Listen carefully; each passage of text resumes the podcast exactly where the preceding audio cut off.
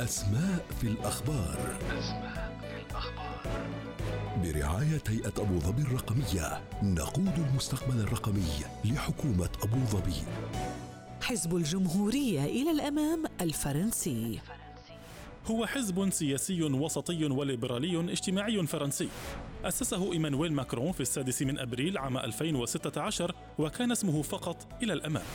كان يعتمد كثيرا في بدايته على شبكات التواصل الاجتماعي.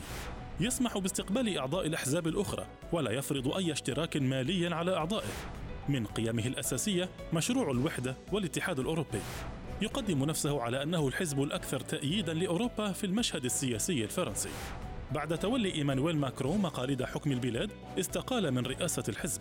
في نفس اليوم الذي استقال فيه ماكرون تم تغيير اسم الحزب من إلى الأمام ليصبح الجمهورية إلى الأمام.